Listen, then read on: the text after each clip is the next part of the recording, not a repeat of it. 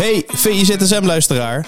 Wil jij genieten van de beste VI Pro-artikelen, video's en podcasts? En wil jij nog meer inzichten krijgen rond al het voetbalnieuws? Word dan nu lid van VI Pro. Voor exclusieve podcasts, tactische analyses, interviews met spelers en financiële inzichten. Ga nu naar vi.nl slash zsmpro voor de scherpste aanbieding.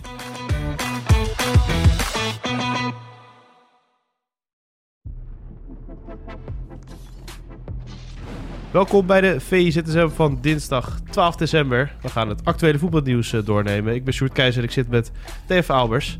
Een hele goede morgen, Dave. Hele goedemorgen, Sjoerd. Kappertje geweest. Kappertje geweest, ja. was wel een eh, gevalletje van uh, dat hij, hij wilde het even het voorbeeld laten zien aan de zijkant zo lang gaat worden. En Ja. toen zei ik, doe nog eentje korter. En toen was het toch iets te kort. Maar ja, we zitten er nog, hè. Ja, precies. Voor de mensen die eh, het luisteren, ga even naar het clipje op eh, vi.nl. Dan kan je het kapsel van Dave Albers zien. Turkse kapper trouwens, of niet? Eh, nee, ik ga naar de kapper van, wel Oh. van een oud voetballer. Het is de kapperszaak van Michel Vorm in Utrecht. Ah, oké. Dan heb je ook een verhaal meegemaakt, toch? Daarover, of niet? Nee, niet daarover. Nog nee. niet? Wel, nou, die, die gaan we zien dan. Ik heb hem wel eens gesproken over José Mourinho, maar niet, Ah. niet over die zaak, nee. Nee, precies. Nou, we hebben meteen het bruggetje gemaakt van Turks kapper naar Turks voetbal. Ja. Je voelde wel aankomen natuurlijk. Ik zag je al een beetje lachen. Ja, iets, iets bizars. eh, want je ziet op Twitter wel eens eh, van eh, geen context of zo, voetbal, weet je wel. Dan zie je van die gekke clips voorbij komen. Dan denk je, ja, nou, het zal allemaal wel, het zal ergens op een amateurveld zijn. Maar gewoon op het hoogste niveau. Ankara Kucu, Riesenspoor, 1-1 na afloop. De voorzitter komt het veld op en die slaat gewoon de scheidsrechter vol op zijn bek. Dat Ja, is toch iets wat je... Nou, ik heb het niet veel gezien. eh, jij Ik wel? heb veel gekke dingen gezien in de voetballerij, maar dit, dit was wel echt een eh, krankzinnig filmpje. Ja, ook een potje inderdaad waar je normaal die gewoon eh, niemand zou opmerken, maar nu inderdaad. Die voorzitter van Ankara Gucci, die komt gewoon het veld op en die geeft gewoon een hoek en die scheidsrechter gaat naar de grond. En er komen vervolgens ook nog twee andere mannen langslopen die hem nog een schop tegen zijn Ja. tegen zijn hoofd geven of tegen zijn borst. Het was misschien nog... Ja, die, die klap is natuurlijk heel erg, maar dit is nog lager. Hè? Letterlijk en figuurlijk dat je eventjes iemand op de grond nog even gaat trappen. Ja, dat zijn altijd wel de lafste van de lafste figuren, ja. Die, eh, Ook die vol als- in beeld, hè? Als Ja, iemand eh, inderdaad al eh, op de grond ligt, dan nog een trap nageven. Maar ja, dat, die, die scheidsrechter, je zag ook eigenlijk al meteen een, een ei op zijn gezicht. Ja. of onder zijn oog. En wat ik begreep, heb is hij ook afgevoerd naar, naar het ziekenhuis. Dus laten we hopen dat het met hem eh, redelijk goed gaat. En dat hij deze, redelijk over deze schrik heen komt. Maar Ja. ja, ja voor het Turkse voetbal natuurlijk ook eh, erg slecht. En het is nu ook tot... eh, tot nadere orde zijn alle Ja. Turkse competities stilgelegd. Wat dat eh, daadwerkelijk gaat inhouden, weten we niet. Of hoe lang dat zal zijn of eh, wat Nee, er precies gaat en gebeuren. in hoeverre kan je andere clubs eh, verantwoordelijk houden voor zo'n eh, situatie?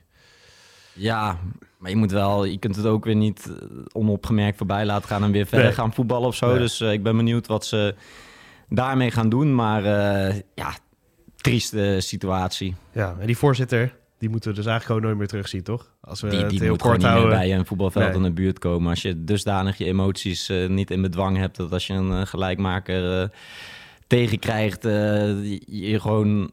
Ik vind het altijd erg als mensen, zeg maar... Mensen doen wel eens iets in een opwelling... maar als je daadwerkelijk het veld opstormt... dus dat je Ja. een soort van nog... Nog heel veel secondes hebt om eh, te bedenken van dit is niet handig wat ik ga doen, maar dat je het dan alsnog doet. eh, ja, dan En er je- stonden ook al eh, spelers om hem heen. Dus die konden al wat zeggen. Dus, dus hij kiest er ook nog voor om die opzij te duwen en dan te slaan. Ja, en dat Ja. er dus dan ook nog een... dat niet zeg maar iedereen vol afschuw reageert... maar dat er ook nog een aantal zijn die denken van... hé, hey, dit is Ja. een goede actie van hem, we, we gaan hem schoppen. Dus laten we hopen... eh, ja, dat is, eh, dat, weet- dat is geen eh, rare mening... maar laten we hopen dat het gewoon snel weer goed gaat met die scheidsrechten... en Ja. ook vooral dat de schrik, zeg maar... dat hij nog wel zin heeft om überhaupt een veld op te gaan als dit eh, kan gebeuren. En ik weet, in Nederland hebben we tekort aan scheidsrechters. Eh, ik weet niet hoe het in Turkije zit, maar ik kan ja, me zo voorstellen dat het Europa breed is. Nou, en mensen denken nou niet van, ik ga even lekker potje fluiten als je dit ziet. Hè? Dit is geen eh, motiverend filmpje om de fluit Nee. op te pakken, nee. Nee, jij hebt laatst ook Diego Biseswar gesproken. Daar is een voorzitter met een pistool het veld opgekomen. Hè? Ja, ja, ja. maar dat was niet allemaal zijn bedoeling. Dat was bij, in zijn tijd bij PAOK, ja. Ja. Dus daar moest ik ook wel meteen aan denken. Want het is wel een beetje dezelfde manier hoe zo'n voorzitter vanaf boven Vol komt emotie. en dan Ja. echt zo het veld op sprint. Maar eh, ja, zijn verhaal was inderdaad dat hij zijn vest had uitgegooid. Ja. En dat hij een, eh, een, een pistool in een, om- in een soort strap om had. eh, Waarom heeft en- hij die, en- zou je denken? Maar goed. Nou ja, de, de- het verhaal van Biseswar was dat hij... dat als je in Griekenland boven een bepaald vermogen zit... dat je een pistool bij je mag dragen ter verdediging. En die voorzitter had gezegd... het is natuurlijk een compleet krankzinnig verhaal... maar het is als een telefoon die je wel eens vergeet dat je die in je zak hebt... eh, heb je dan een pistool. Ja, het is een eh, rare vergelijking, maar Ja. eh, dat was het verhaal. Maar voorzitters en in emotie reageren, dat is natuurlijk niet de eerste. Ehm, maar ja, op het veld komen is al uit den boze. Hè? Precies, blijf lekker bovenin. Laat staan dit. Als je, als je het niet onder controle hebt, schop een keer tegen een stoel aan... maar kom alsjeblieft het veld niet op. Zoals Frans van Zeumeren af en toe de kleedkamer even wakker schudden. Ja, is ook niet, ook niet ideaal, maar Nee. Er zijn dus nog eh, stapjes die je eroverheen kunt. Je verlangt toch wel naar een hele rustige voorzitter. Ja, Ja, goed. Die een- hebben genoeg in Nederland, gelukkig. precies. Maar uh, waar Frank de Boer werkte in ieder geval niet, hè? Want eh, die is eruit eh, geschopt.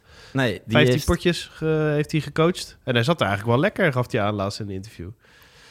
Ja, maar hij haalt eh, de kerst niet. Dus eh dat is het enige positief dat hij met kerst eh, lekker thuis is. Maar ja, ik geloof dat hij inderdaad iets van 13 of 15 wedstrijden gespeeld had... waarvan hij de zes had gewonnen. Hij zit bij Al Jazeera, wat daar natuurlijk wel een, eh, een, een grote club is. Zeker. Dus eh, ja, eh, ontslagen. En ja, als je naar zijn trainersloopbaan kijkt... Het wordt er niet echt, als je het cv bij elkaar pakt, mooier op in totaal. Want, hè? Eigenlijk. sinds die vier kampioenschappen bij Ajax is het dan inderdaad Inter heel snel weg. Crystal Palace heel snel weg. Amerika. Is naar Atlanta, geloof ik, heeft hij nog wel een Ja. beker gepakt. Maar eh, ook niet Begon super, super lang. Nee. En dan het Nederlands elftal, wat natuurlijk op het EK toen een... eh, ja, erg teleurstellend was. Echt een Tsjechië, die, teleurstellend die toernooi. hensbal van de licht natuurlijk eh, kleeft er een beetje aan, inderdaad. Ja. Dus ja, sneu, maar ja, misschien is het dan ook geen toeval meer als het overal misgaat, toch? Nee, al is het natuurlijk hier, ja, misschien is niks aan te verbinden. Bij Al Jazeera, ja, je wordt er snel uitgekegeld natuurlijk. Alfred Schreuder heeft meteen eh, eh, in die contraille meteen weer een nieuwe club eh, gevonden. Misschien dat hij dat zelf ook doet. Maar goed, eh, ja, Dave, naar Ajax? Of denk je dat het niet gaat gebeuren? Eh, lijkt mij een eh, slecht idee. Eh, Ga ja, dan geluiden om John van het Schip natuurlijk langer eh, te houden. Maar ja, vanaf de zomer zou het natuurlijk kunnen. Ja, maar ik heb wel zoiets van de, de supporters van Ajax die hebben dit seizoen al zoveel geleden. En zeg maar zelfs met die kampioenschappen van de boer waren toch wel erg sterk de geluiden dat het voetbal zo vreselijk eh, saai was. Dus ik, ik, ik geloof niet dat dat dan iets is waar je de supporters eh, mee op de banken krijgt van we halen Frank de Boer terug. Wat Ik zag hem wel aardig vaak voorbij komen als eh, suggestie. En Ronald de Boer had het dan over, ja, hij zit eigenlijk wel op zijn plek daar. En die druk hoeft niet meer zo van Frank. Maar, maar ja, als Ajax belt, dan voelt hij zich altijd wel eh, verantwoordelijk. Maar je, je, Ja, bent, niet, ik- je ik- bent niet enthousiast. ik, ik, snap dat hij, ik. snap dat hij het wil, maar dat lijkt mij eh, niet, eh, niet, niet de combinatie die je nu wil. Ik denk dat je volgend seizoen een, een trainer wil die weer wat fris voetbal op de mat gaat leggen. En ja, waar de supporters echt weer enthousiast van worden. Ja. Weer een beetje het, het Ajax-bravoer terug. En dat, dat heeft Frank de Boer dus als trainer ook niet echt kunnen brengen. Ondanks dat hij natuurlijk qua prijzen het geweldig heeft gedaan. We moeten wel nog even denken dat eh, over Al Jazeera gesproken, dat, eh, dat toen Frank de Boer daar begon, dat het aan het begin eigenlijk al een, een soort van eh mis leek te gaan, omdat ze hem hadden aangekondigd met een foto van, van zijn broer Ronald. Dus misschien was dat een teken dat het geen match made in heaven was. Ik moet zeggen, dat is heel lastig hoor. Want voor Ronald de Boer, die toen in de Pak Schaal podcast de gast was in het theater, heb ik allemaal foto's op moeten zoeken. En ook mijn grootste angst was wel dat vol op het scherm achter hem allemaal foto's van eh, Frank eh, te zien waren. De, Ja, Want vooral die fotografen- spelers, hè? Ja, nee, als, spe- ja, als, spe- als speler, spelerstijd, hè? Ja, dan Want is het... eh, de bijschriften, die zijn soms ook gewoon verkeerd van de fotografen. Die maken een fout. Dan klik je, dan download je die foto, laat je het zien. Heb je zo'n fout gemaakt. Dus ik denk bij die aankondiging ook zo, zo is gegaan. Dus jij neemt de, social media man van Al Jazeera, die neem je even Ja, dat is toevallig een hele goede vriend van mij. Nee, zeker. Nou, eh, in Rotje Eredivisie, het meest eh, bekeken op Pro, ging het eh, ook over Zon van het Schip en Ajax. Dat dat weer een beetje ja, swoon krijgt, om een mooi Nederlands woord te gebruiken. Ehm, maar ja, geluiden die opgaan om Zon van het Schip te laten zitten. ja, voel je daar meer voor dan Frank de Boer bijvoorbeeld? Of, of ook niet? Meer een nieuwe meer, trainer zoals Ten Hag in die het, tijd. het is wel weer typisch eh, dat... eh, weet je, hij heeft nu een periode gehad met heel veel potjes die... Heitinga potjes eigenlijk. Ja, Hoe, toen niet overnam. Ja. Misschien eh, had, had jij of ik ze ook gewonnen met Ajax, zeg maar. eh, en dan ja, sta je weer vijfde en dan moet hij het eh, definitief gaan overnemen. Het lijkt mij geen trainer voor de lange termijn bij Ajax. Ik heb niet het idee dat het een soort tactisch meesterbrein is. Volgens mij een geweldige man om de, deze situatie... Om de brandjes te blussen, om de sfeer weer een beetje goed te krijgen, om het seizoen af te maken. Maar dan denk ik dat, eh, dat Ajax op zoek moet naar een ander. En als het aan mij ligt, zou dat niet eh, van het schip worden en ook niet Frank de Boer.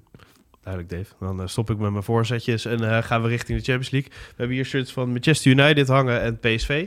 Voor PSV gaat het er helemaal niet eens meer om. Die zijn gewoon geplaatst voor de volgende ronde. Maar hebben nog een fantastische wedstrijd ja, op het programma staan. In de Europa League wonnen ze hem.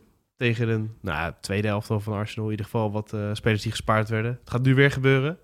Maar eh, ja, wat verwacht je van zo'n wedstrijd? Want Peter Bos is niet een trainer die denkt... "Wah, Gelijk spelletje, zijn we wel tevreden. hè?" Nou, ik weet niet of hij daar ontevreden mee is, maar de Bos zei het ook al in de persconferentie zo van... Als je normaal de laatste wedstrijd tegen Arsenal speelt en je zegt dan van het gaat nergens meer over, dan heb je het idee van oei, we staan er, we staan er slecht voor. Ja.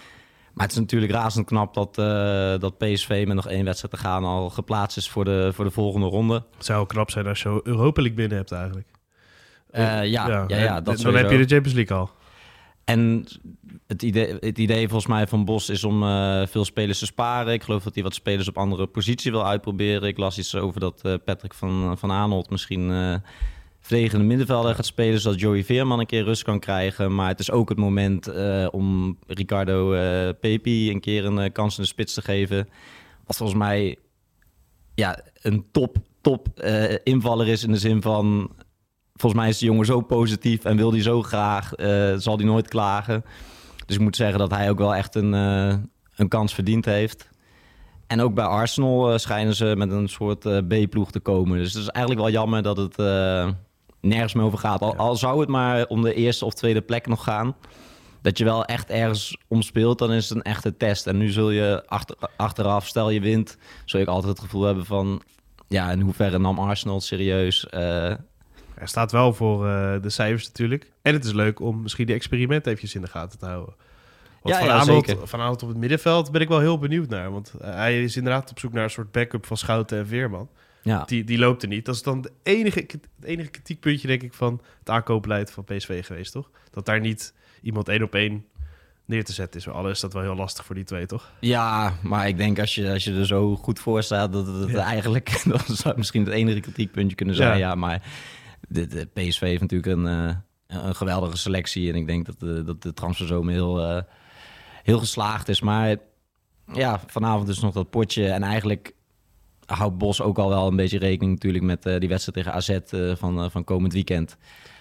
En ja, ik zie ze wel gewoon doorstoten om dan gewoon ongeslagen in ieder geval lekker aan de kerst te zitten. Dus Ja, voor AZ is het misschien niet de belangrijkste wedstrijd. Want die moeten donderdag tegen Legia.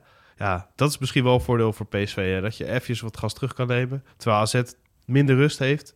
En al zijn energie misschien wel verspild heeft op donderdag. Ja, ja, ja. De Bos gaf ook aan dat heel veel eh, spelers zeg maar, eh, in zijn selectie heel graag die wedstrijd willen spelen. Ja. Maar dat hij ze echt moet eh, afremmen. Dus Snap ik, Champions League. Ja. wat dat betreft zit het volgens mij wel heel erg goed in, die, in die selectie. Waar ehm, bij PSV draait het nergens meer om. Bij heel veel potjes draait het trouwens ook nergens meer om. zat ik net even te kijken. Maar Ten Hag kan nog, kan nog Ja. hopen op een wonder. Je zei, eh de hangt een shirt van United ook. Dus die, die moet winnen van Bayern.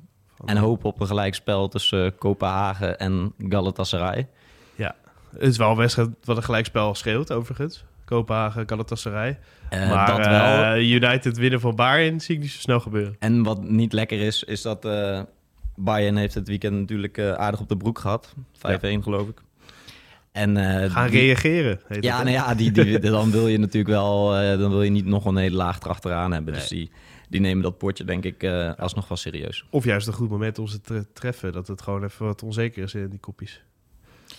Ja, dat zou ook kunnen, maar ja, het wordt gewoon een heel lastig verhaal eh, voor Ten Hag. Dus eh, Zou dat zijn kop kosten? De Champions League verlaten? nou, nee, dat denk ik niet, omdat het eigenlijk nu al Ja, eigenlijk zo goed als- kans, ja. zo goed als kansloos is. Dus de, de, de schade in de Champions League is al geleden. Dus vanavond kan hij eigenlijk alleen iets winnen. Mooi, mooi. Ja. Dat is goed om te weten voor eh, Erik ten Hag. Dan gaan we naar het hoogtepunt van deze podcast. Want we gaan even eens over jouw verhaal hebben. Het meest gelezen volgens mij over heel het weekend. De achtbaan van Anderson, hè?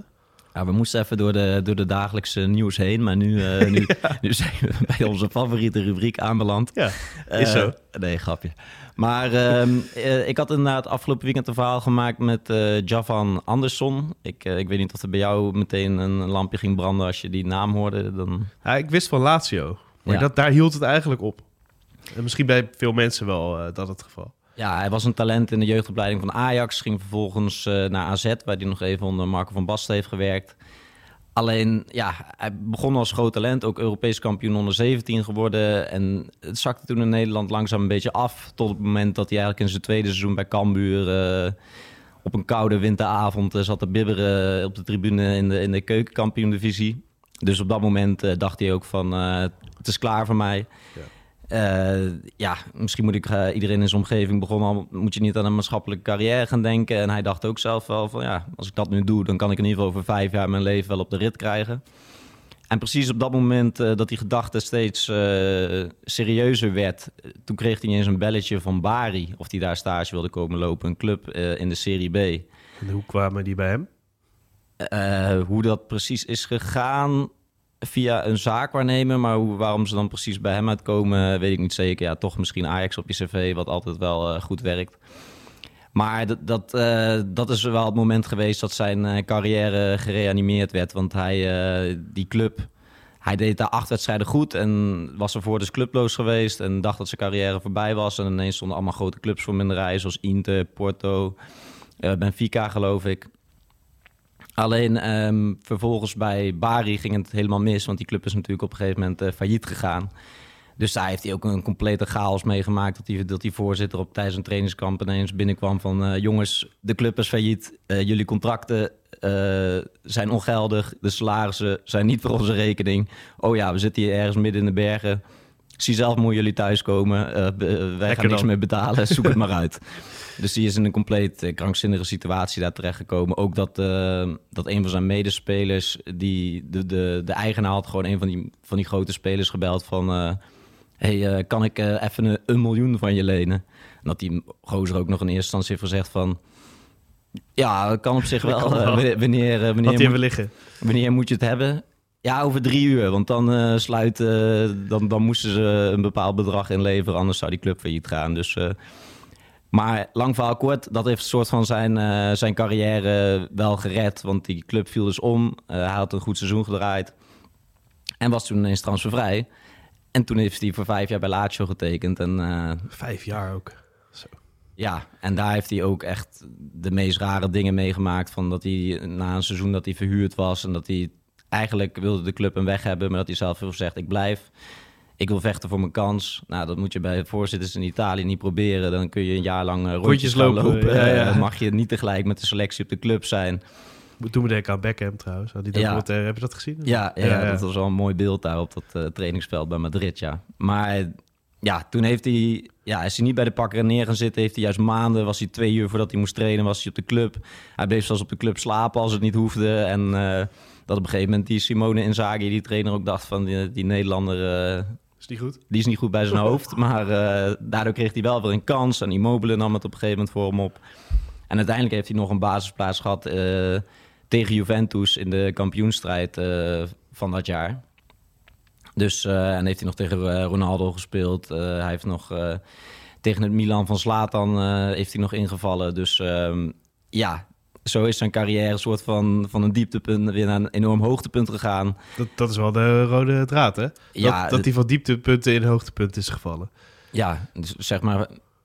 Ik heb veel interviews gehad eh, waarbij een voetballer eh, vraagt van ja, hoe zou je het zelf omschrijven als je zo'n heel onrustig eh, cv ziet. En Achtbaan. dan is het altijd een achtbaan, maar in zijn geval is het wel echt een achtbaan geweest. En ehm, ja, vervolgens eh, is hij nog even verhuurd naar een club in Italië. Is hij nog even bij PEC Zwolle geweest. Daar eh, speelde hij nog mee in de Eredivisie. En vorig jaar was hij bij Oxford United. Heeft hij ook nog tegen, tegen Arsenal gespeeld in de, in de beker, eh, in de basis. Maar nu is hij clubloos. Dat Liam Kelly, het teamgenoot dan? Die speelt daar ook volgens mij. dat, zou- dat zou ik niet weten. Dan is mijn eh, kennis even niet op orde. Maar in ieder geval zijn zijn carrières van alle kanten op gegaan. Van dus dit jaar nog tegen Arsenal spelen, nu weer clubloos eh, in Amsterdam. En hij zou eh, graag weer een club vinden. Dus Ja. ehm, Wat speelt daar wat? Heeft hij dingen afgehouden? Of hoe, hoe zit dat? ik geloof dat hij in de zomer wel dichtbij dat het warm was om naar Almere City te gaan. Maar is uiteindelijk niet doorgegaan. Dus eh, iets in Nederland zou hij leuk vinden. Maar ook, eh, ook eh, Engeland is hem wel erg goed bevallen. Dus ehm, Hoe lang voetbalt hij al niet nu? Vanaf de zomer niet. Ja, dus niet extreem lang. Dus misschien een interessante optie voor een, Voor in de windstop. voor een club in de Eredivisie. In de problemen waarschijnlijk, hè? Gewoon een ploeg die ergens onderin staat en even wat nodig heeft. Precies, even een... ja, volgens mij is hij gozer wel topfit. Hij traint keihard nog. Dus wat dat betreft denk ik wel dat een, een goede jongen is om erbij te hebben. En toch eh, bij Lazio gespeeld met eh, Immobile en, eh, en dat soort gasten. Dus, Geen aandelen, toch? Of wel? Nee, nee, nee. Ik ben niet, ik ben niet zijn zaakwaarnemer. Maar wel geïnteresseerd in zijn verhaal natuurlijk. En Ja. benieuwd waar die, waar die terecht komt. ja, en het maakt me niet uit. Ja, Nee. Ik vind het voor, voor een voetballer vervelend als hij eh, werkloos is. Klopt. Net als iemand anders, als een vriend van me werkloos Ja. is, vind ik ook niet leuk. Al die gasten die je hebt gesproken, hè, en die allemaal zo'n achtbaan hebben gehad. Volg je die ook nog? Of, het lijkt me wel leuk om eh, in de gaten te houden waar ze allemaal eh, Ja, vaak volgen, verkeren. ze, vaak volgen ze wel op Instagram. Dus dan eh, Ja. is het wel leuk om op die manier een beetje bij te houden. Ik ben niet een type journalist die nog, Happy with the game, three die nog points. twintig keer gaat appen van... dat doe ik mij heel af en toe. Als het echt... nee, maar op de achtergrond dat je het even in de gaten houdt. ja, ja, dat sowieso. Dat sowieso. Daar is Transfermarkt natuurlijk ook ideaal in. Ja, zeker. Dan ga je nog een verhaal maken, hè? Voor komend weekend is dat. Ja, die, eh, dit verhaal komt, eh, wat ik net zei, is nu in het blad. En het verhaal dat er nu aankomt, komt ook nu in het blad. Maar die komt eh, van het weekend pas online. Het is wel een bijzonder verhaal van Jay de Jesus de Gomez. Die ken ik niet. Het is een Nederlandse jongen. Nee, het is niet zo gek dat je hem niet, Oh. niet kent. Nou, al komt hij wel redelijk uit je contraien. Hij speelde vorig jaar nog gewoon amateur bij VV Smitshoek Ken ik. Ja. Uit, eh, uit Barendrecht. Eh, dus, eh, maar die heeft via een app, ik had er nog nooit van gehoord, die app, die app heet The Rise. The Rise. En dan kun je beelden van jezelf uploaden en dan kunnen aan de andere kant kunnen zaakwaarnemers en scouts kunnen dat bekijken. Dus hij had dat gedaan. Ga ik ook doen. Ja, via steeds hoger kun je ook mooie stappen maken. Ja. Maar ehm, die, op een gegeven moment kreeg hij in die app een bericht van een zaakwaarnemer van... ja, eh, hier in Italië spelen we met een voetbalschool een paar wedstrijden. Eh, ik heb je gezien op beeld, ik wil je wel eens in het echt zien. Hij is naar Italië gegaan, heeft eh, die wedstrijden meegedaan. Daar kwamen allemaal scouts van Italiaanse Serie A-clubs kijken. En zo is die jongen uiteindelijk opgepikt door Letje, waar hij nu in Letje onder eh, 18 speelt. Die speelde gisteren toevallig, Letje. Je Ja, hebt goed uitgekozen. Ja. Maar die, eh, de A-ploeg toch? Of, eh, Ja, ja, de A-ploeg. Nee, nee, ook Letje onder 18? Nee, nee, de A-ploeg. Maar ehm, dus die, die, eh, die heeft een soort van directe transfer gemaakt van VV Smitshoek naar een, naar een Serie A-club. En ja, die had daar wel... Ja, het contrast is natuurlijk gigantisch tussen de amateurvelden en ineens op het sportcomplex van AC Milan rondlopen. En een wedstrijd spelen. En wie staat er langs de zijkant te kijken? Slaat dan Ibrahimovic. Uitstekend. Want hij speelde tegen Maximilian Ibrahim, Ibrahimovic. Ah, ja, ja. En dat is weer de zoon natuurlijk. eh, je kunt het aan de achternaam wel eh, gokken, maar van uh, Zlatan Ibrahimovic. Dus ja, die, die, die kon daar heel leuk over vertellen. Zo'n zo'n zo'n jongen van 17 die vorig jaar nog gewoon amateur was... en eigenlijk altijd hoopte van waarom pikt een club mij niet op... En via zo'n rare manier is hij nu dus ineens in, in de laars van Italië terechtgekomen. Dan moet het zo zijn, hè? Ja, Ook zo'n jongen om in de gaten te houden. Ja, dat is- dat ik ben erg benieuwd hoe dit gaat lopen. Het is nu, eh, ik geloof dat hij voor één jaar getekend heeft. Lijkt mij best moeilijk eh, als je altijd bij de, in de jeugd van een amateurclub hebt gezeten... om dan ineens dat niveau eh, aan te tikken. Maar hij zegt dat het goed gaat en hij speelt ook vrij veel. Dus wie weet kan het een eh, bijzonder verhaal worden. Nog één keer zijn naam? Jay de Jesus de Gomez. Mooi, mooi. Mooie naam, Inderdaad. je niks ja, van zeggen. Zeker, een mooie naam. Gaan we in de gaten houden. En koop dat blad. En eh lezen hem dit weekend eh, op eh VPRO. Dankjewel Dave. Tot ZSM. Jij ook bedankt. Tot ZSM. Wil jij nagenieten van de beste VI Pro artikelen, video's en podcasts? En wil jij meer inzichten krijgen rond al het voetbalnieuws? Word dan nu lid van VI Pro. Voor exclusieve podcasts, tactische analyses, interviews met spelers en financiële inzichten. Ga nu naar vi.nl slash zsmpro voor de scherpste aanbieding.